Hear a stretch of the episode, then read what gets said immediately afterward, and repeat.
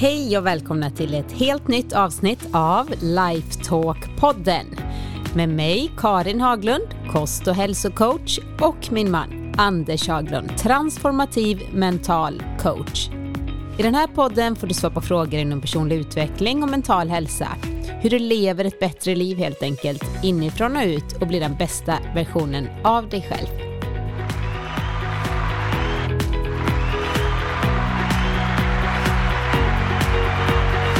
Hej Anders! Hej Karin! Då är vi på avsnitt 43. Ja, det är helt otroligt. Ja, så vi börjar med det här. Ja, Det var ju tack vare pandemin. Annars så säger man alltid ah, allt negativt som har varit. mm. Men eh, Lifetalk-podden föddes ju positivt. ur den här pandemin. Så Ja. ja. ja, jag har lite frågor framför mig. Mm. Mm. Ska vi köra igång med en gång? Ja, eller vad vill du talk about? Nej, det går väl lika bra att dra igång. Ja, men då gör vi det. Vi kan ju i och för sig säga det här med att man har möjlighet att komma till våran fina stad Borås och köra en VIP-coaching med mig och Anders. Framförallt. Anders, men jag är med på ett hörn också Ja, och guidar inom hälsa och man får liksom helheten så. Då kör vi tre, dag, Intensiv. tre dagars intensiv. Eh, och man behöver egentligen inte tänka på något. Vi fixar allt. Ja, Det är bara att dyka upp det är bara att dyka upp och så kör betala, vi. betala innan. Men eh, vi har ju haft, eh, det har varit väldigt trevligt Ja. när vi har kört det. Ja, Mm. det är det faktiskt. Och man får ju en chans att kanske grotta in sig på ett sätt som man inte annars gör och det är en paus för de som kommer ifrån vad som än annat pågår så man får en liten bubbla där man kan reflektera och få svar på saker som man kanske har grunnat på och som man kan få in i nervsystemet där det verkligen hjälper. Precis. Vi skräddarsyr allting efter just det, de två personerna. Mm. Tidigare har vi haft i Dubai, bland annat. Vi har varit över hela världen. Men när vi tog, och då var vi väl runt 20-25 personer i varje grupp. Mm. Och det var en hel vecka. Ja. Jag längtar till det. Ja, det Man kul. kan göra det igen, men vi kanske inte åker till Dubai. Nej. Men eh, nu kör vi Borås. Nu vi har gått vi. från Dubai till Borås. Men det är inte så eh, illa. Det är en fin stad. Men nu ska jag inte prata mer, utan nu ska jag fortsätta prata, men berätta om eh, den första frågan. Så här lyder den. Hej, jag skulle vilja veta mer om hippocampus och om jobbiga tankar och känslor. När man upplever en jobbig känsla, är det då tanken som styr den känslan? Om man går in i känslan och känner den, accepterar den, stämmer det då att det tar cirka 90 sekunder att så att säga rida igenom den? Jag har hört att när man får vissa jobbiga tankar försöker de istället att avleda och distrahera tanken för att slippa känslan. Detta skulle jag vilja höra mer om. Okej. Och jag också. Alltså, Det är en väldigt intressant ja. fråga. Så nu lämnar jag ordet till Anders. det är, jag vet inte om det specifikt handlar om hippocampus och amygdala och alla de här bitarna som man kan läsa mer om hur de fungerar inne i hjärnan. Men det vi kan säga utan tvekan är att de känslor vi har, de kommer från våra tankar. Därmed inte sagt att det måste vara medvetna tankar. Vi har ju ända sedan Freuds dagar vetat om att det finns en uppdelning i våra sinnen där vi har en viss del som är medveten och den är ganska liten. Den är inte ens toppen på isberget, den är mera som den lilla fläkt där man stoppar flaggan på isberget om man claimar det och så är resten det undermedvetna. Det som den här personen nämner nu då, det är ju att stämmer det att man kan bara hålla tag i tanken i 90 sekunder och så slutar den? Ja, det är lite olika. Om vi ska titta på de psykologiska studier som finns för något som heter habituering. Habituering handlar helt enkelt om att vi människor klarar inte av att ha samma känsla under en längre tid. Det är därför som när man till exempel sitter i en stol så blir man ganska snabbt omedveten om att man känslan av att sitta i stolen. Det går inte mer än 10, 15, max 20 minuter någonting. Samma är det ju om man skulle gå in där det luktar illa, säg att man går in i en svinstia hos en bonde när man här ska titta på griskultingar eller någonting och så luktar det väldigt illa. Bonden har ju ingen aning om det om de har varit där i mer än den där kvarten. Och det är ju för att då sinnena habituerar att om en signal har legat där under en längre tidsperiod så säger hjärnan den kan inte vara någon fara eftersom det inte har hänt någonting på den här tiden. så är det nog inget farligt ljud, ingen farlig lukt, ingen farlig känsla och så habituerar han och går vidare. Så även för att känna depression eller ångest eller något annat. Så för att kunna hålla tag i den några längre tidsperioder så måste man så säga gå ut ur svinstigan och andas frisk luft ett tag och sen komma in och känna att det luktar skit där inne. På samma sätt är det i vårt nervsystem såklart. Men om vi pratar desensitering, som är ett av de mer populära sätten att bli av med fobier. Nu får du förklara lite vad det fina ordet är. Ja, desensitering innebär bara att man vänjer sig, kan man väl säga. Det är lite som mormor sa en gång, man vänjer sig. Men desensitering handlar mer om att till exempel om man är livrädd för ormar så börjar man kanske med att titta på en bild av en orm och se om man kan klara av att hänga där en stund utan att få panik. Och därefter kanske man får chans att titta på en orm fast på väldigt stort avstånd och sen lite närmare och närmare och närmare och närmare tills man faktiskt klappar på ormen och upptäcker att oh, det gick ju bra, jag överlevde det. Och så förhoppningsvis så säger nervsystemet att ja, kunde jag hålla i den och klappa på den så var det inte så farligt som jag trodde och så är själva paniken över. I, för vissa så fungerar det ju mindre bra för det blir mer att man tränar på att vara rädd om man nu är superrädd redan med bilden. Men det viktigaste här är att se att om jag kan få en annan relation till min tanke om det, just som beskrivs här lite grann, att jag behöver inte vara rädd för att vara rädd. Själva känslan kan inte vara farlig såvida jag inte går på min egen tankebluff så att säga. Och då slutar kroppen varna för den här känslan man har är oftast en varningssignal för att man är ute och cyklar lite mellan öronen. På samma sätt som när man trampar snett med en fot och smärtan skjuter upp så försöker den ju bara säga hoppa över på andra foten nu för nu ska du inte trycka mer på det här. Rent psykologiskt fungerar det ungefär likadant att har jag en tanke som blir väldigt jobbig så är det inte att jag lever i förnekelse om jag säger oh, sluta ta den tanken på allvar. Inte att bli av med tanken, inte att försöka trycka undan tanken, utan mera just hänga med tanken och se att det just är en tanke och att den inte är farlig. Det är där som är så att säga att hoppa över på den andra foten mentalt, är att man slutar ta den tanken på allvar och då minskar det. Och det är ju faktiskt lättare än alla de här andra teknikerna vi har jobbat med tidigare med att okej, okay, nu ska man eh, ändra tanken när den kommer. Man ska Eh, reframa den, man ska göra om den till från negativ till lite mer positiv om man ska liksom eh, jobba med tanken istället för att vara lite mera bara okej okay med, eller väldigt mycket mera okej okay med att det är en tanke och så var den. Och vi kan inte styra våra tankar. Inte i någon högre grad. Vi verkar kunna styra lite grann riktningen med hjälp av de frågor vi ställer. Så att när vi ställer en ny fråga, till exempel plötsligt, åh, vänta, vad, ska, vad är det första vi ska göra när vi kommer ner till stugan? När vi ska dit om två helger. Ja, då kommer du genast börja tänka på, just det, hur ser det ut i stugan och så där. Men du kan inte riktigt bestämma om det ska vara åh nej, då har vi allt det att göra eller om det är åh vad härligt det ska bli. Den biten är du inte med om riktigt. Den, den, har, den är lite som en norsk repris. Den, vi blir medvetna om vad det är som pågår lite efter att det redan är färdigt i sinnet. Så där får vi inte vara med riktigt. Men man kan hjälpa till att styra riktningen på tanken med hjälp av frågor och pekande så att säga genom att börja prata om en viss sak så kommer de flesta komma in på det. Det blir väl också att man styr tankemönstret, för många kan ju sitta fast i ett lite vad säga, destruktivt tankemönster, ett mm. negativt tankemönster och bara genom det du brukar tipsa människor om att börja skriva, liksom, skriva tacksamhetsdagbok, att skriva ner vad man är tacksam över, att man tränar på det. I början är det svårt för många för att de är inte vana att tänka på tacksamhet. Så man, ja. Ganska ofta så har de inte ställt frågan riktigt, utan ofta så blir det bara en tankestorm på kvällen när man lägger sig om att åh, jag skulle ha ringt den och varför sa jag så? Varför är det ingen som tar med mig på det där mötet eller vad det nu än är som gärna, gärna går igenom därför att de negativa sakerna rent evolutionärt har alltid haft ett försteg för det som kan skada oss. Men i tanken hjälper ju inte det. Vi har ju goda intentioner med att oroa oss i förväg. Vi vill ju gärna undvika svårigheter imorgon.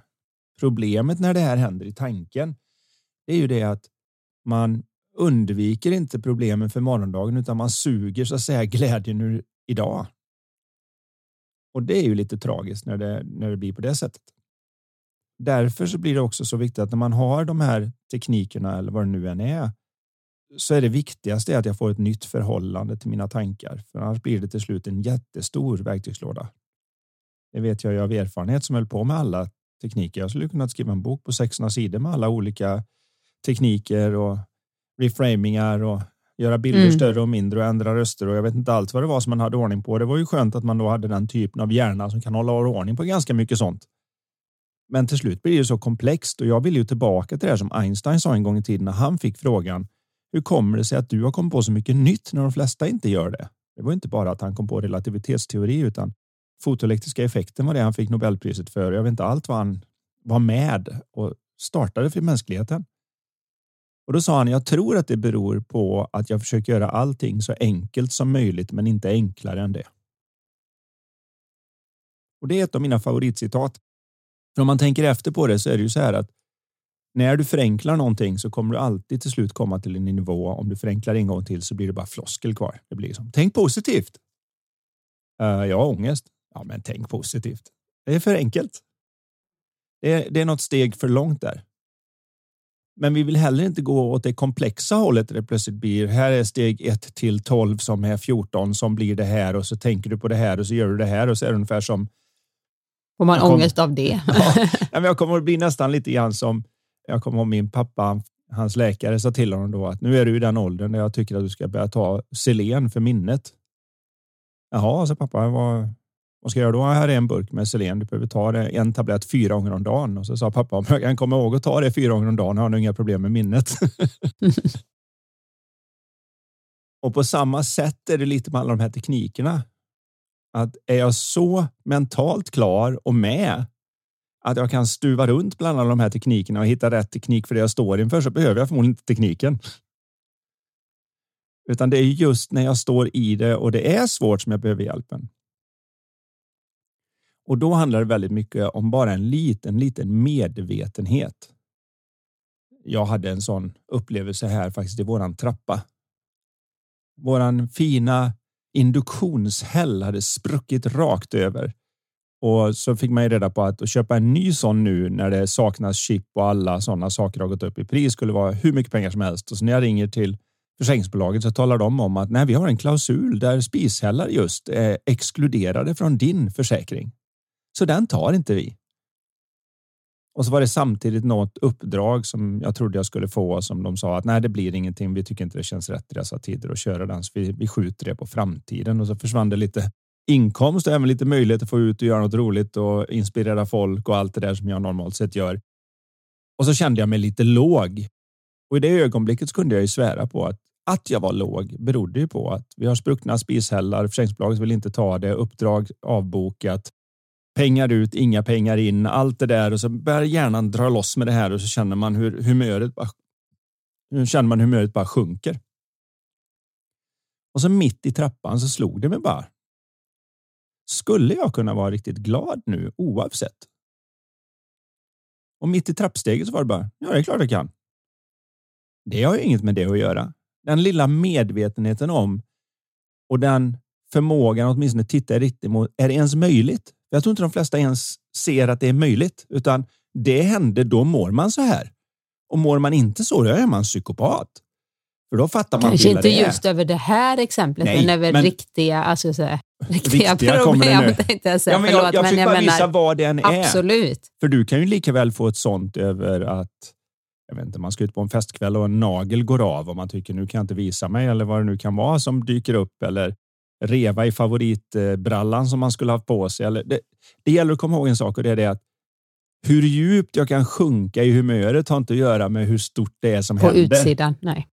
Och det är också ett av bevisen på att det inte finns någon koppling däremellan. För ibland kan det hända något superstort. Man bara, jaha, nu får jag göra det bästa av det här. Och sen kan det hända något jättelitet så bara man, nej, det är orättvist. Så det, det har inget med det att göra utan det är väldigt mycket var jag befinner mig just nu. Just då, hur ja, man tolkar det. Eller, precis. Men kom ihåg det, det är inte hur jag tolkar det, utan tolkningen ligger inneboende i var jag är när det inträffar.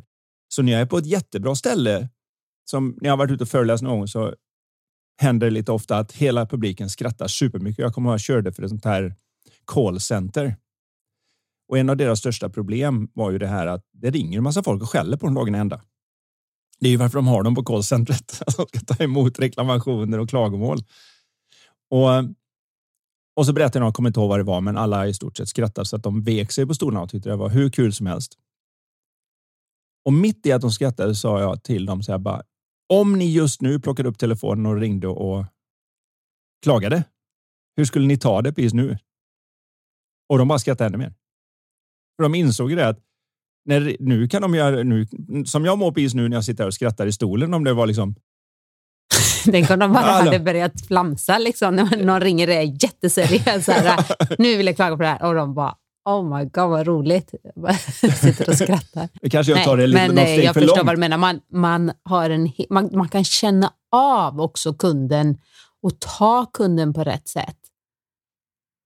Ja. För det kan man inte planera innan heller, utan det är ju ett samspel och man blir bättre på det. Och också är... lite av en stans man kan ta. Att om man inser det, att vänta nu, oavsett vad som händer så har jag i varje fall möjligheten att vara i balans. Jag har möjligheten att må bra oavhängigt vad det är som pågår. Om jag kan ta den stansen att målet idag i viss mån, inte några exakta att jag ska säga så här och ska jag göra så här när de ringer och klagar, utan bara en stans, en mental stans. Att oavsett vad som pågår så tänker jag försöka hålla high ground inne i mig.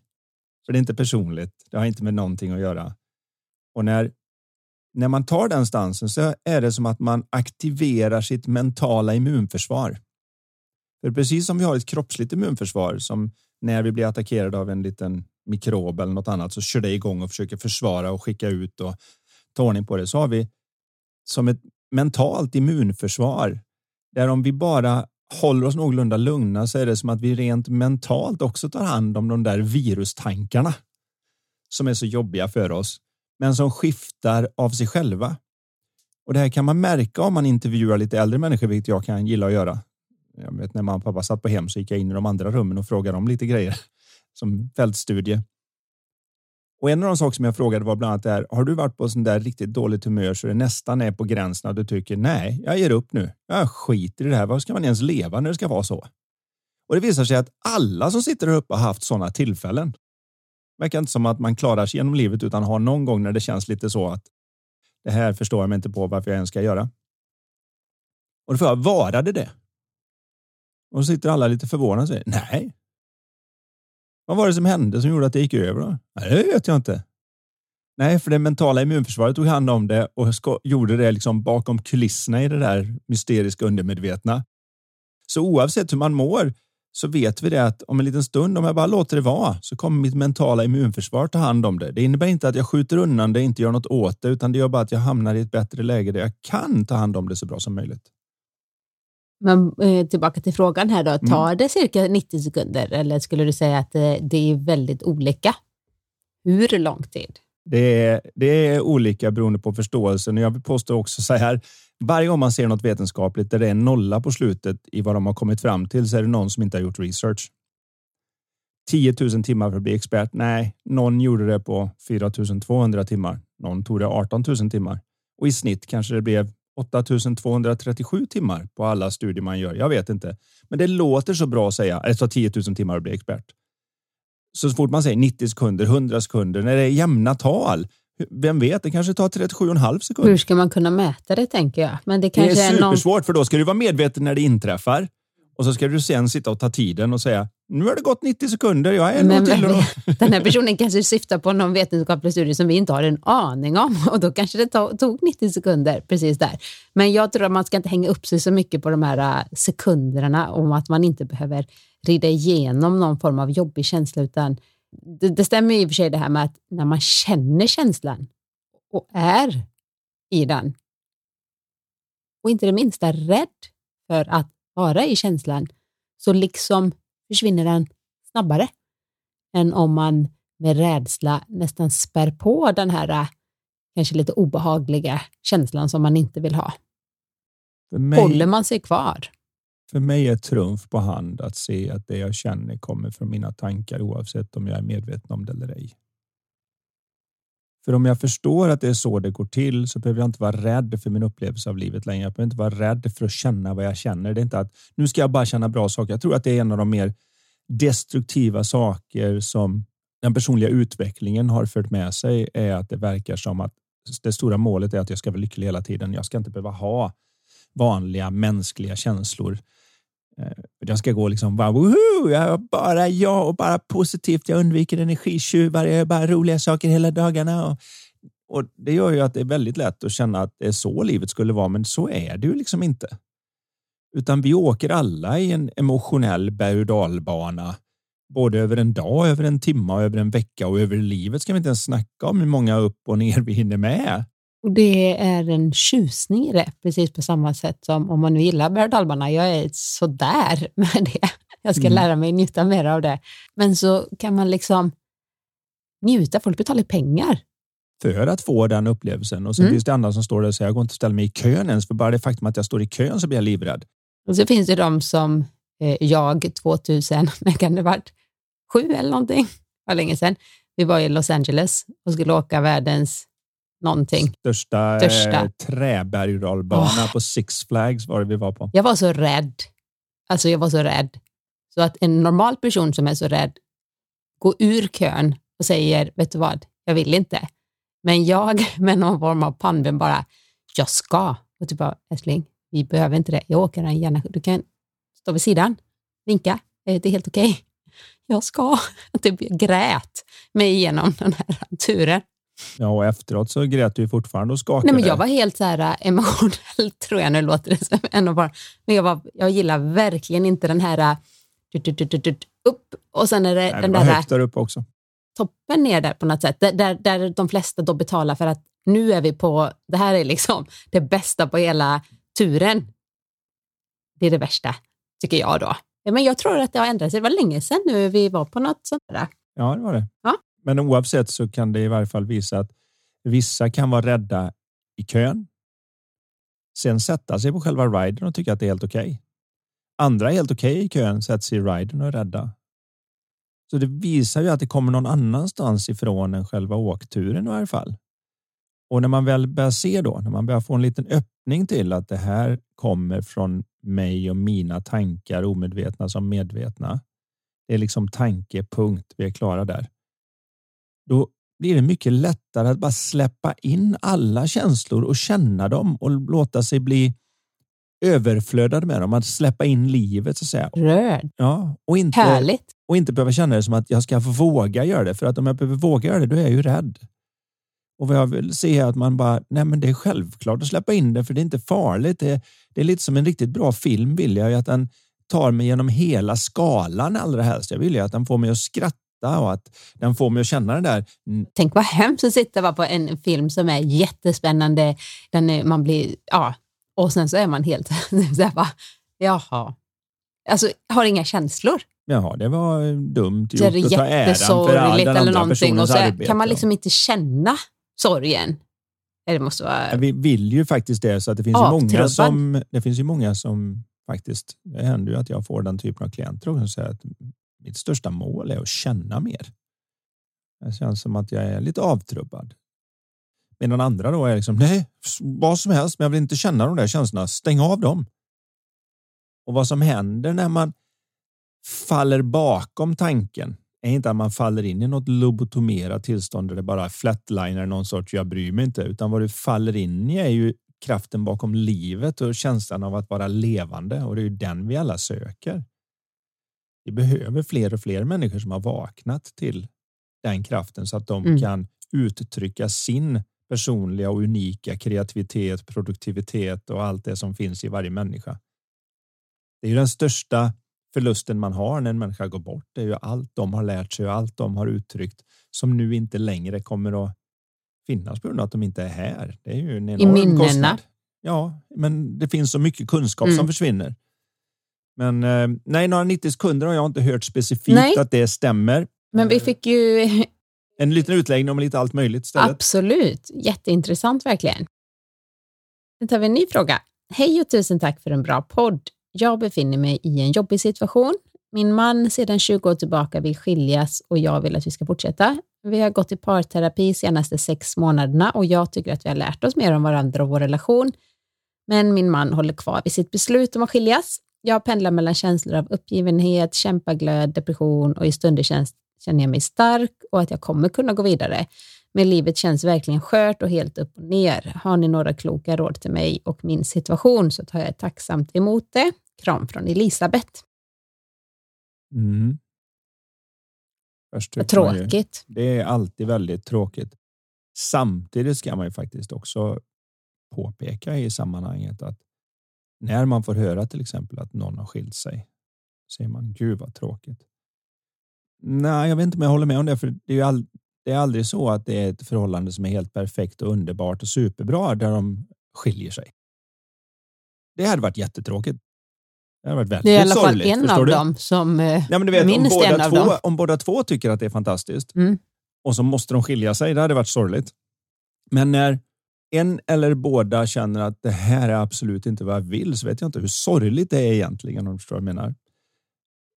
För att även om det alltid som man säger tiden läker alla sår och allt det där så, så är det ju så att funkar det inte så funkar det inte på något vis. Och det kräver ju två att dansa tango. Hjälper inte om den ena vill om den andra stretar emot. Därmed inte sagt att det här inte är superjobbigt. Det är mycket enklare om båda har kommit på att oj, det här var inte riktigt vad vi hade hoppats på. För då kan man ju ta ett gemensamt beslut och det är ändå jobbigt nog. Nu vet Mm. jag inte hur det ser ut här, men är barn inblandade och det är oftast en massa ekonomi inblandat och plötsligt så beter sig folk helt annorlunda när det gäller både det här med vem som ska ha barn och pengar och allt det där. Och det, det är däremot väldigt sorgligt hur det blir. Men är man då den som är på ena sidan så är det ju ett sorgarbete. Så är det ju. Det är som att vara olyckligt kär innan man ens har träffat någon. Man vet om att jag är kär i dig, men du är inte kär i mig och så blir vi aldrig ihop. Det är, det är den det är andra änden på samma grej kan man väl Mm. säga. Och det vet vi att det känns fruktansvärt. Det känns som hjärtat ska gå i kras av att vara olyckligt kär. Så råden här är ju att man kan inte göra mer än att hålla sin egen standard. Att oavsett vad som pågår så mycket som möjligt konsultera sin egen visdom och bete sig på ett sätt som gör att man kan titta sig i spegeln och säga det skötte jag åtminstone så bra jag kunde i denna jobbiga stund. Det är allt vi egentligen har. Mm. Man kan inte. Man kan inte göra så Det finns ju ingen det. heller snabb, snabbväg ut ur liksom.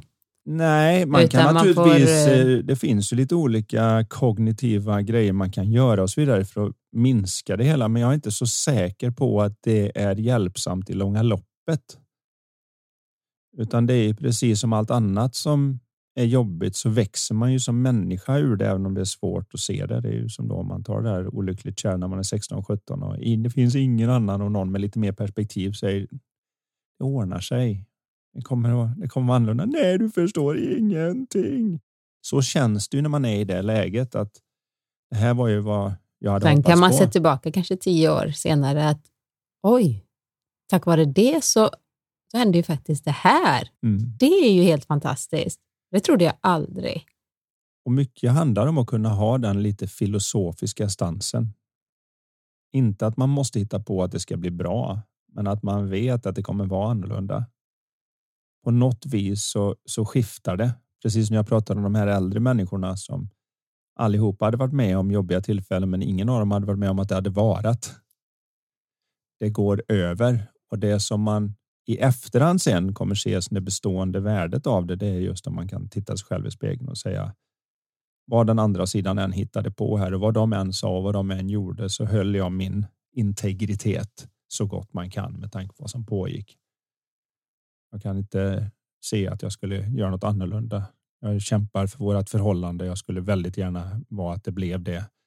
Och blir det inte det, då vill jag i varje fall se att jag visar den respekt, omtanke och kärleksfullhet som jag hade hoppats på skulle komma från andra hållet. Man bet med sig att liksom, jag har gjort det jag har kunnat. Ja. Det, det är kanske inte riktigt det man vill höra för allra helst skulle man ju vilja få någon sorts magiskt piller eller vifta med en trollstav och så ska allt vara så där underbart bra. Men tyvärr finns ju inte den möjligheten än i varje fall. Jag vet inte om någon någonsin kommer komma på något som skulle kunna göra det. skulle man göra. Den magiska trollstaven. Ja, man vet ju inte. Det fanns ju den där eh, Jim Carrey-filmen där han går och till en speciell firma för att radera alla minnen av sin ex. Han klarar inte av att leva med den kopplingen. Men då var det inte någonting spotless mind. Jag tror inte man vill det för att det är någonting, det finns någon styrka i det sen också om man kan ta det så. Det kan ju som allt annat så kan du antingen bryta ner eller stärka. Jag tänker har man varit gift i 20 år så vore det väldigt fint om man kan fortsätta ha en form av bra relation till ja. varandra i resten av livet. Om man känner att man vill. Kanske inte precis med en gång, men ju bättre båda personerna tar det så att säga, eller eh, hur man, då det ju, ökar det ju sannolikheten att man kan ha en fin relation. För det tycker jag är väldigt sorgligt i det här med skilsmässa, när man hör att det blir så mycket gnabb och tjabb och vad ska jag säga, elakheter. Mm. Jag, jag, förstår att det är jätte, jättetufft och att tillfälligt kanske det kommer saker som inte, när två personer inte mår riktigt bra.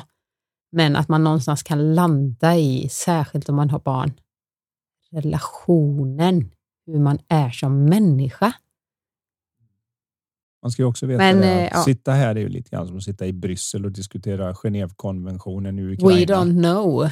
Nej, men när man väl står i en krigssituation så är det något helt annat än att sitta på sidan och säga så där får man inte bete sig i krig. Ja, men du sitter ju inte just. Du har ju precis ätit middag och sitter där med slipsen lite uppknäppt i en kavaj och diskuterar det. Det är en väldigt stor skillnad när precis någon familjemedlem har fått sina ben bortsprängda och någon har blivit skjuten och annat. Det går inte ens att föreställa sig. Man har ingen så aning. Så egentligen så sitter vi här och hittar på, men vi har ja, men, ingen aning. Nej, nej, nej men, lite, lite, så, lite är, så är det. Eller hur? Så jag tänker vi att jag var typ Vi sitter här nu på någon form av hög häst och tycker att åh, här är mitt bästa råd till dig som sitter i detta. Men det är ju lite som vi pratade om innan, att innan man får barn så har man ingen aning om vad det innebär att få barn. Och för mig som har förlorat båda mina föräldrar så är det lite samma sak när man pratar med någon där som inte har varit igenom det. Det är samma sak där, att de har ingen aning vad det innebär att så att säga inte kunna ringa sina föräldrar och säga hej eller veta att man så att säga själv är den som är näst på tur eller hur man nu ska se det. Förhoppningsvis är det ju den Men kanske kan Elisabeth här också då få lite kraft och stöd från andra människor som har gått igenom samma sak. Jag skulle också vilja säga så här. Det här tror jag är en viktig punkt som kan vara svår att ta till sig kanske. Men jag brukar lite skämtsamt säga på våra kurser att de som behöver det som mest är de som vill minst. Så förmodligen eftersom ni är här så har ni någon nära och kära som om ni funderar lite grann så känner ni att de skulle behöva vara här mer än någon annan. Och ni som är här nu, ni kanske är de som behöver det minst för ni är här. På samma sätt när man går igenom de här tuffa grejerna så är det ju ofta så att man vill inte umgås med människor som är i lyckliga förhållanden. Det blir någon sorts påminnelse om vad det är. Men förmodligen är det det man behöver som mest. Man kan naturligtvis prata med andra som går igenom, men det är inte samma ändå. Vad man behöver är styrka. Det bästa sättet att hjälpa fattiga är inte att bli en av dem. Du måste vara stark för att hjälpa någon som är svag. Du behöver vara i mental balans för att hjälpa någon som är i mental obalans. Det hjälper inte att säga jag har också mental obalans och nu kan vi prata om det. Nej, det, men det, är, det är som att säga, åh vad du är irriterad. Nu ska jag också mm. vara irriterad för då kan jag förstå dig bättre. Nej, jag behöver vara extremt Nej, men Jag tänker någon som har gått igenom det och kommit ut på andra sidan och känner Jo, men då, då, har, vi, yes. då har vi definierat det lite hårdare. Ja, det har definierat det lite hårdare. Så att vad jag menar är att man behöver hitta styrka och styrka kan man lättare hitta i kanske just de man inte skulle vilja umgås med. Man gillar ju inte att se kära människor och lyckliga par och sånt. Det är ju liksom kanske det värsta man kan tänka sig när man går igenom såna här saker.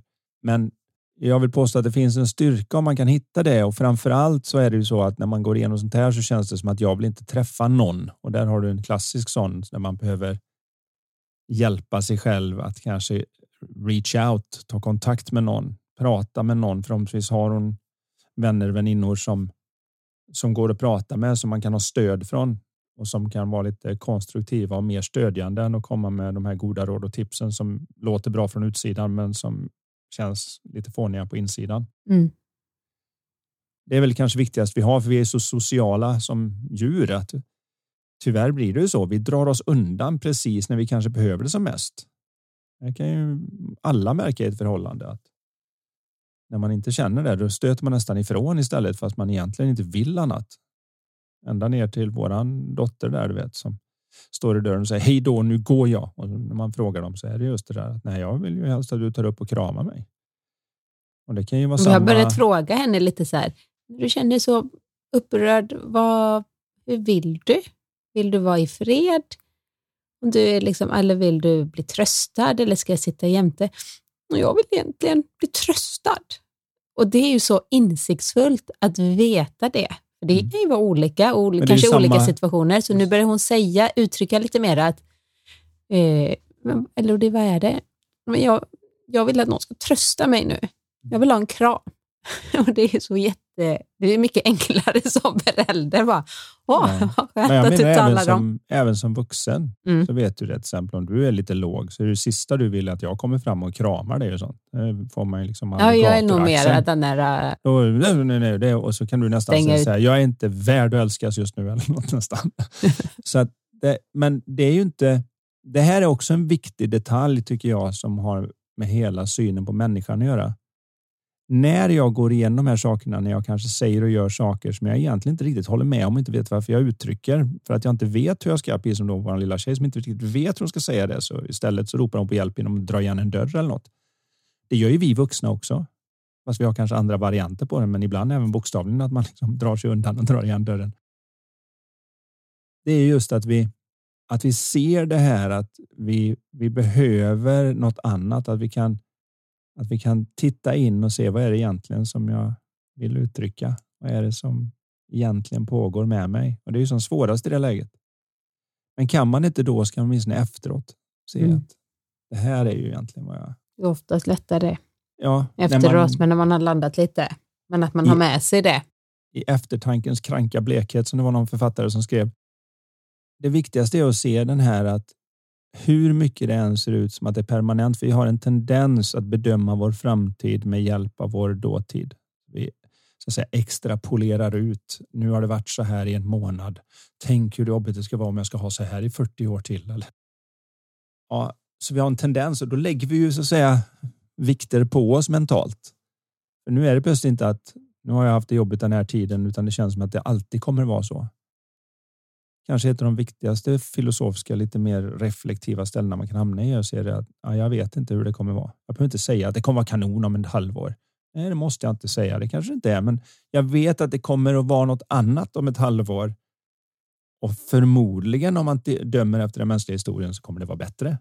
Mindre illa, vad du nu vill kalla det. Så att när du tror att du är ensam så är du inte det och när du tror att det är permanent så är det inte det. Det ger ju kraft i nuet.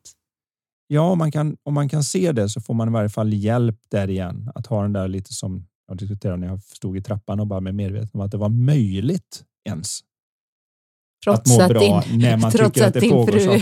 har pajat spishällen, kanske ska säga det. att Det var, det var jag som eh, råkade tappa en liten, eh, ganska stor kanske, glasflaska med typ några sån här fröströssel eller någonting jag hade köpt. Lite sån kryddig grej som ramlar Ja. ner och så träffar på fel ställe och så det dink. Mm. Så kan det vara. Så kan det men, vara. men oavsett hur det var och hur det gick till, så just på den här att det spelar ingen roll om det är stort eller det är smått eller vad det än är, så är det viktigt att titta i riktning mot att det är möjligt i varje fall att gå in och se att man har inte blivit hotad på den fundamentala nivån av vem jag är längst inne. Utan det som gör det här kanske jobbigare än vad jag tror är att man kanske kan vara medveten om det. Att kan det vara så att mitt tänkande om det här gör det lite jobbigare än vad det är? Jag säger inte att det inte skulle vara jobbigt ändå.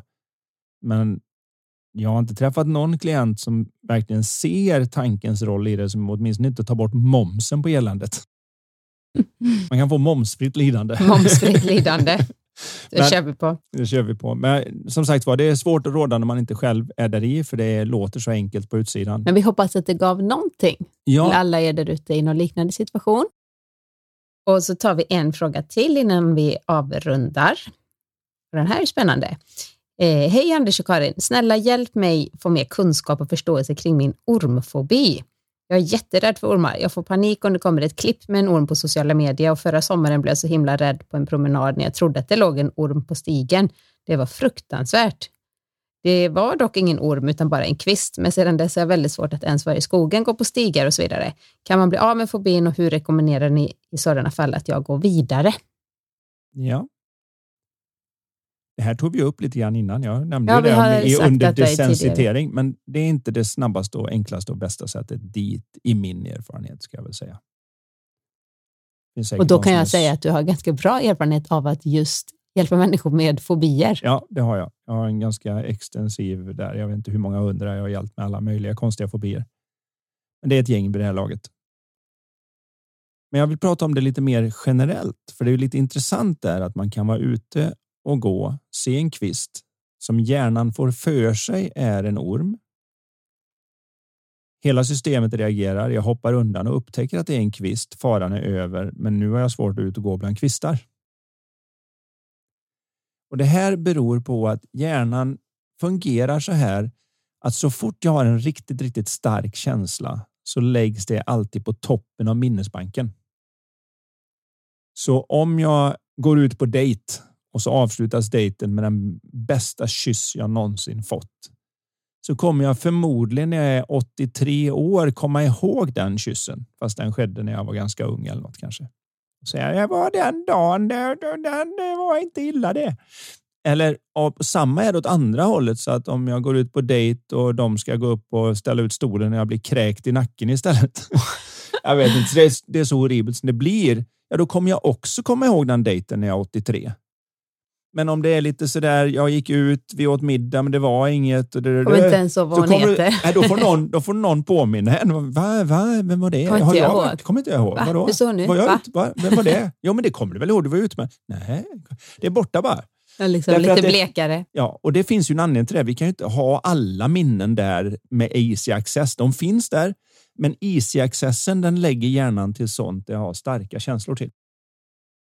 Som man var på väg hem från vattenhålet i Afrika med en kruka med vatten på huvudet. Ett lejon hoppar fram ur ett buskage och anfaller den, men man lyckas få krukan i huvudet på lejonet och undkomma eller vad det kan vara. Också när man är 83 så kommer man berätta historien om dagen när jag gick hem från vattnet och det var en lejon som anföll mig, men jag lyckades ihåg klara alla mig. detaljer. Varenda liten detalj sitter där. Och dessutom kommer jag förmodligen, om jag ser ett liknande buskage vid en liknande tidpunkt, gå ett litet extra... Alltså hela kroppen kommer börja skaka bara för att nu känner jag igen det här och kommer ihåg vad som hände så undvika att det händer igen för just nu, det kanske inte går lika bra den här gången. Så att Det är ju ett skydd. ett jättebra skydd. Sen har vi också då problemet att när jag väl har gjort en sån stark grej, då skickar hjärnan ut lite sökgrejer just för att hitta så det ska gälla alla olika saker. Så äter man ett rött bär och sen kräks man så kommer du inte äta några jäkla röda bär. så hallon och jordgubbar kan åka med i det. För att det blir som en koppling. Mm. Och det här använder man ju rent positivt i reklam också. Det är numera förbjudet att göra det eh, på det sättet för det är ju både metoo-aktigt och inte politiskt korrekt. Men vad man gjorde förr i tiden när man sålde bilar det var ju att man visste att mannen oftast köper bilen. Så man lägger på en snygg tjej i bikini på bilen som får stå där jämte. Varefter de flesta män får en ganska positiv känsla till det där och så åker liksom bilen med för den var närvarande. Och så ser bilen bättre ut än den gjorde alldeles nyss. Jag vet inte varför den ser lite sexigare ut än bilen nu. Det här har man ju använt på olika sätt. Numera gör man det genom mera mysfaktor där man skämtar och ICA-reklamer och man ska få den som sitter hemma i soffan och ha en positiv känsla. Och när du har mer positiv känsla till ICA än Coop så åker du till ICA och vet inte varför du åker till ICA istället för Coop.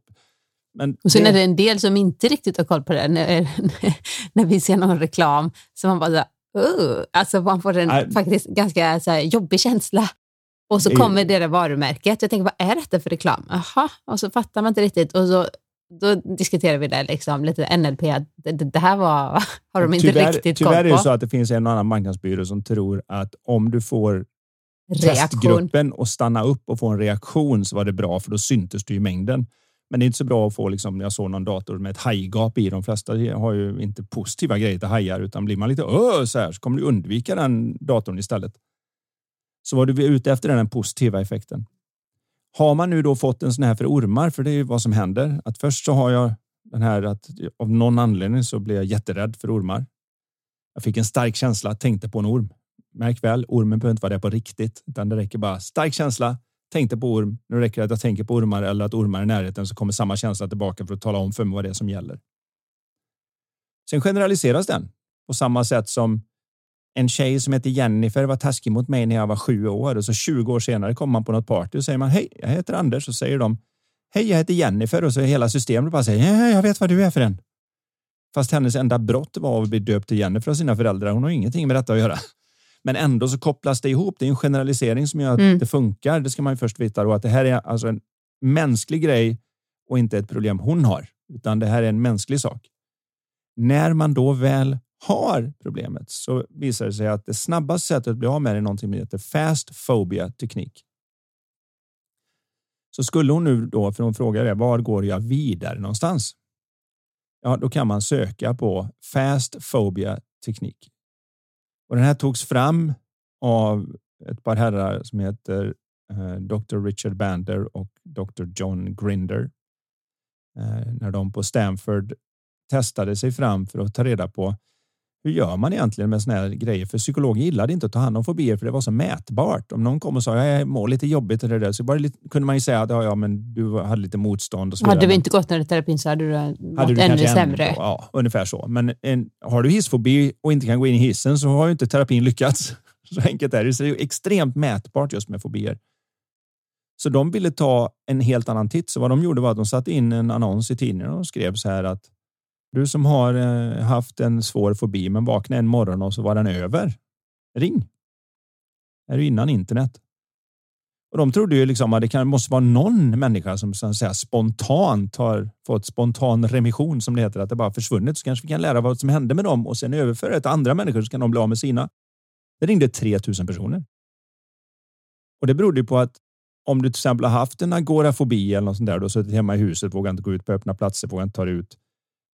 Ja, och så plötsligt en dag så vaknar du och säger ja, men jag tror jag går ut och kikar lite. Så kommer inte familjen vara speciellt positiv märkligt nog. Man kan tycka att de skulle vara jätteglada, men de är så här. Va? Vadå? Nej, plötsligt känns det annorlunda. Har du bara shoppat det? Vi ska göra allt åt dig. Så det blir väldigt sällan en positiv reaktion. Så de har liksom känt att jag vet inte vad jag ska göra med det här. Och när det nu står en annons så vill alla ringa in och tala om det. Jag har haft det. Jag hade ett jättesvårt problem och så bara en morgon så var det bara annorlunda. Jag vet inte hur det skiftade. Så de tar in alla de här 3000 personerna och så intervjuar de på kamera och när de väl frågar om ögonblicket där det skiftade för dem så säger alla samma sak och tittar i samma ställe i luften och gör ungefär samma gester och det ser ju lustigt ut när man börjar titta på videon och börjar känna igen det här. Så då sätter de in nästa annons och säger du som har en svår fobi och vill bli av med den, ring. Nu dyker det upp ett gäng människor också. Och så säger de titta här, gör så här, tänk så här. Alltså bara, de vet inte ens vad det är. Och allihop blir av med sina fobier. De hade ingen aning om vad det var som egentligen hände, så det fick de ju börja forska fram på senare. Det, det, det var ju här som, som sen ledde till att de här två männen är ju alltså grundarna då till NLP som är neurolingvistisk programmering, programmering mm. som Anders har jobbat väldigt mycket med eh, tidigare och gör, använder såklart idag också. Men, eh, med mycket mindre på ett annat nu. sätt. Därför jag vill gärna att människor äger förmågan på ett annat sätt än att de får ett verktyg så att nästa gång de har problem så säger de jag måste ha ett nytt verktyg av Anders. Utan precis som när jag coachar idrottare på världsnivå eller på vilken nivå de nu än befinner sig så är det ju att jag vill ju att de äger lösningen och blir sin egen bästa coach så att jag inte behövs så fort som möjligt. Taskig affärsidé, men det är min, min tanke i varje fall att de ska kunna det själva. Men om man vill bara bli av med just den här ormfobin så finns det, mig vetligen finns det ett gäng videos av väldigt duktiga practitioners som det heter. Där de går igenom att följ det här mönstret nu som de kom på. Spontant så känns det lättare att gå till, till någon, någon, som är duktig på det här. Men det går även. Alltså, Men det går. Man kan, man kan eh, utforska lite mer där. Ja, man kan göra det på egen hand. Jag eh, har haft flera stycken som jag bara har riktat dit när man inte har hunnit med och sagt att hittar du någon bra video så ta och följ bara stegen där. För det är inget magiskt med det, utan det visar sig att det finns en väldigt vetenskaplig anledning när man väl började kolla på varför det är. Mm. För hjärnan skapar minnesbanor i hjärnan genom att göra den elektriska laddningen i varje neuron i kedjan lite högre på vägen så att när du träffar första neuronen så vet den direkt att den, hela den kedjan ska lysa upp. Det är därför du känner en viss lukt och så bara så är du tillbaka i mormors kök eller någonting. Det är för att den lilla lukten gör att du träffar den neuronen som har det minnet och sen så är det ett antal kopplingar till det. Och då hittar den till nästa laddning och nästa laddning och nästa laddning och så, rush, så går hela kedjan ihop. Om man då går utanför den kedjan och kommer till slutet på den och backar bakåt istället så plattar man ut laddningen och så går det inte att hitta minnet igen. Alltså med andra ord, den mm. koppling där det förut var se orm blir livrädd blir bara se orm. Jag vet inte vart jag ska ta vägen. Och, och det är ju ett mycket bättre ställe att vara mm. så att säga, neutral. det ska bli spännande. Jag sitter och tänker på, jag hoppas jag inte får utsätta mig med den här eh, råttan som eh, ja, skrämde slag på mig kan man säga. Att jag fick till med muskelbristning i magen som höll i sig fyra månader för jag blev så himla rädd. Det var ett visst överraskningsmoment bara... i den också, för vi har ju inte haft några sådana problem alls, men de gjorde ju om ute i gatan och i vad det nu var, ja, grävde upp rör och annat. Och det här tvingade tydligen in en råtta i vårt hus som, som vi inte visste. desperat faktiskt inte ville vara i vårt hus, som desperat mm. ville ut visade sig sen också. Ja. Eh, och det var bara en och den eh, var uppe på natten och så här, nu låter det nej nu ska vi inte säga det här, får folk negativa tankar och, eller känslor av att lyssna på den här podden kanske. Men oavsett, jag kan säga så här, jag blev så överraskad och rädd. Den liksom rutsch, sprang över min mm. lilla fot. Och nu sitter det, det då som sagt var ett gäng människor ut som kanske har mus Förlåt, och säger jag då. Men det, det, ska bli spännande då att se. Men då vet jag ju att jag är gift med dig så att jag kan få hjälp om jag nu... Men tydligen, mm. eftersom jag kan tänka på det och se en råtta framför mig i fantasin och inte bli vidare rädd, mm. så kanske jag inte har fått en sån här jättefobi av Nej. det. Det, man kan eh, säga och att det är också stöter man ju inte på sådär jätteofta, jätteofta så det är det, inget stort problem. Men det är också distinktionen mellan vad som är skillnaden på en rädsla och en fobi. Så att om man till exempel har någon med spindelfobi och så säger man till dem så här, du menar som en sån spindel bakom dig? Om de vänder sig om och säger nej, det är ju ingen spindel där, då har de inte en fobi. De är, då är de rädda för, och det är en helt annan grej att ta hand om. Mm. Men om de hoppar då, liksom bara, ställer sig på stolen och säger, hoppar upp på stolen ja, och sen utan tittar. att kolla. ja, då vet du att nu är det ett, fo, ett fobiskt respons, a phobic response som vi säger. Jag har lite svårt för svenskan på den här biten som jag är utbildad på engelska på det. Men oavsett så är det ett av skälen man måste distingera mellan vad är det att vara rädd för något och det är illa nog att vara Det är många som är rädda för mycket. Men när du väl har den fobiska responsen, då upplever man det som att det inte finns någon tanke emellan fast det faktiskt gör det, för det går så himla fort. Så det är liksom bara tanken på att du sa spindel och så måste jag hoppa. Det är väl just då det börjar bli ett så att säga, problem? Ja, men det kan det även vara när man är rädd för saker. Ja, men särskilt om man är rädd för väldigt mycket saker. Mm. Då är rädslan den gemensamma Det hon kan trösta sig med är ju det att om hon är ute och går någonstans i Afrika och det faktiskt finns en farlig orm på riktigt där så kommer hon ju hoppa högre än alla andra när den syns och kanske komma undan. Det finns ju en illusionär vinnande grej med det. Men det är klart, sitter man då hemma i Sverige där vi inte har något större giftormsproblem, Fast... Eh, även om det finns huggormar och våran son har blivit biten av en och allt det där, så när man då sitter och tittar på tv eller ser en bild av det och det blir jobbigt. Där har vi ju själva beviset på att vi känner våra tankar och inte våran verklighet. För det finns i verkligheten ingen orm, men det bryr sig inte systemet om. Och man vet det. Man förstår det, eller liksom man, logiskt förstår man det att ja. jag tittar ju här på en skärm ja. och det är därför tror jag man blir så frustrerad över hur kan jag ja, man får ju nästan den extra lilla näsan och känna att man känner sig lite dum på ett sätt för att man liksom tycker det är bara en Men det, bild. Det Varför man, kan jag? Det ska man inte göra. Inte för det här är alltså miljoner av evolutionsår som har kommit på att hoppa en gång för mycket hellre än en gång för lite och har inte brytt sig om att vi utvandrade från Afrika och vandrade upp genom Eurasien och upp här och bosatt oss upp i vintrigare landskap och bor för det mesta kvar. dessutom i städer och vi stöter inte på ormar så där jätteofta. Så är det. Så att det, det, det, är ganska normalt, men det går att, eh, det går att avhjälpa. Och eh, det finns väldigt mycket duktiga practitioners där ute som man kan ta tag i. Sök på fast phobia teknik. Kan man också komma till dig?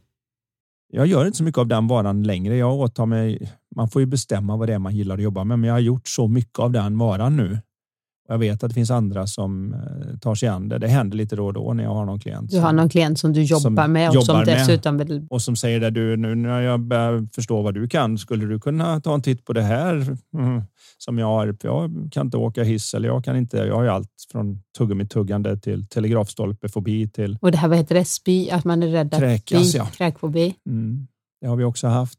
Och det finns, det finns allt möjligt. För kom ihåg, det är inte att man är dum eller något, utan det är så ologiskt som det är på en midsommarfest.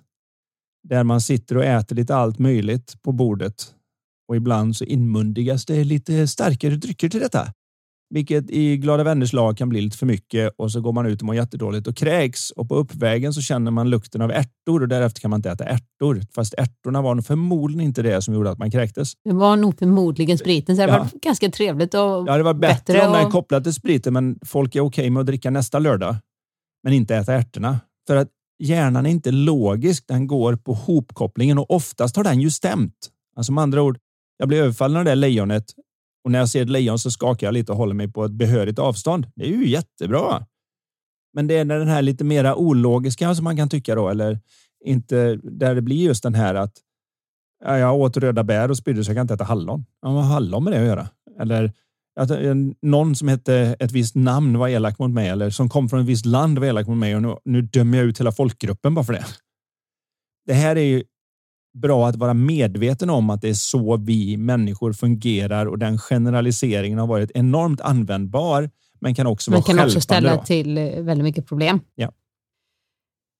Men nu har vi pratat alldeles för länge, tänkte jag säga. Det har vi inte, men vi har pratat färdigt om alla de här intressanta frågorna och eh, svaren. Mm, och Men då är vi vi vill avsluta. Precis, med ett Lifetalk-kort från vårt spel som heter Lifetalk, som för övrigt kan vara, eller är faktiskt en väldigt uppskattad present till eh, företag som köper till sina anställda, kanske till, man ska samla ihop och köpa till förskolepedagoger, till lärare, till sig själv på sommaren. Men, men vi, Till brukar sälja, vi brukar sälja mycket till företag just den här tiden nu som vill köpa in ett lite större gäng. För det, Partier till sina anställda. de är väldigt fina. Och det får man kanske säga att det var reklam. Eh, Och det gör jag väldigt gärna för vårt spel. Ja. Jag tycker det är väldigt bra. Det Vi finns står för olika. att det är väldigt bra. Vi får väldigt mycket härlig feedback från Ja, folk det som är säger att coachande frågor som man kan... Ja, jag har använda. fått från eh, flera föräldrar som säger att jag drar ett sånt här kort och tar med barnen när vi ligger i sängen och läser och jag har aldrig kommit närmare dem än vad jag gör nu. Och jag har fått från olika företag där de säger att när någon är på lite dåligt humör säger man här, ta ett kort. och så säger de det, det bryter upp det. och Det så man bryter får den där isen. Ja, det bryter isen Om man vill. Och man blir nyfiken på andra människor. Ja. Men den här frågan som jag eh, vill ta upp idag från det här kortet är så här. Vilken nu levande person skulle du vilja äta en middag tillsammans med? Och följdfrågan då, varför? Alltså vilken nu levande person skulle du vilja äta middag tillsammans med och varför? Mhm. Den får vi diskutera vidare nu Anders när vi stänger av här. Nej, med tre barn är det jättelätt att säga det. Min fru. Ja, jag håller med. ja, så är det. Ha det underbart alla härliga lyssnare. Ja, och så hörs vi igen om två veckor. Det gör vi. Hej. då! Du har lyssnat på Lifetalk-podden. Vi vore så tacksamma om du vill lämna ett betyg och eller en recension i iTunes. Dina frågor de kan du skicka till oss på lifetalkpodden.se. Spelet Lifetalk finns också att beställa där. Vill du komma i kontakt med oss rörande samarbeten, coaching, föreläsningar och event? Då kan du mejla till karin lifevision.se. Tusen tack för att du har lyssnat. Och du, gillar du podden? Dela den gärna vidare och tipsa om den i sociala medier. Låt oss tillsammans göra världen lite mer mentalt välmående.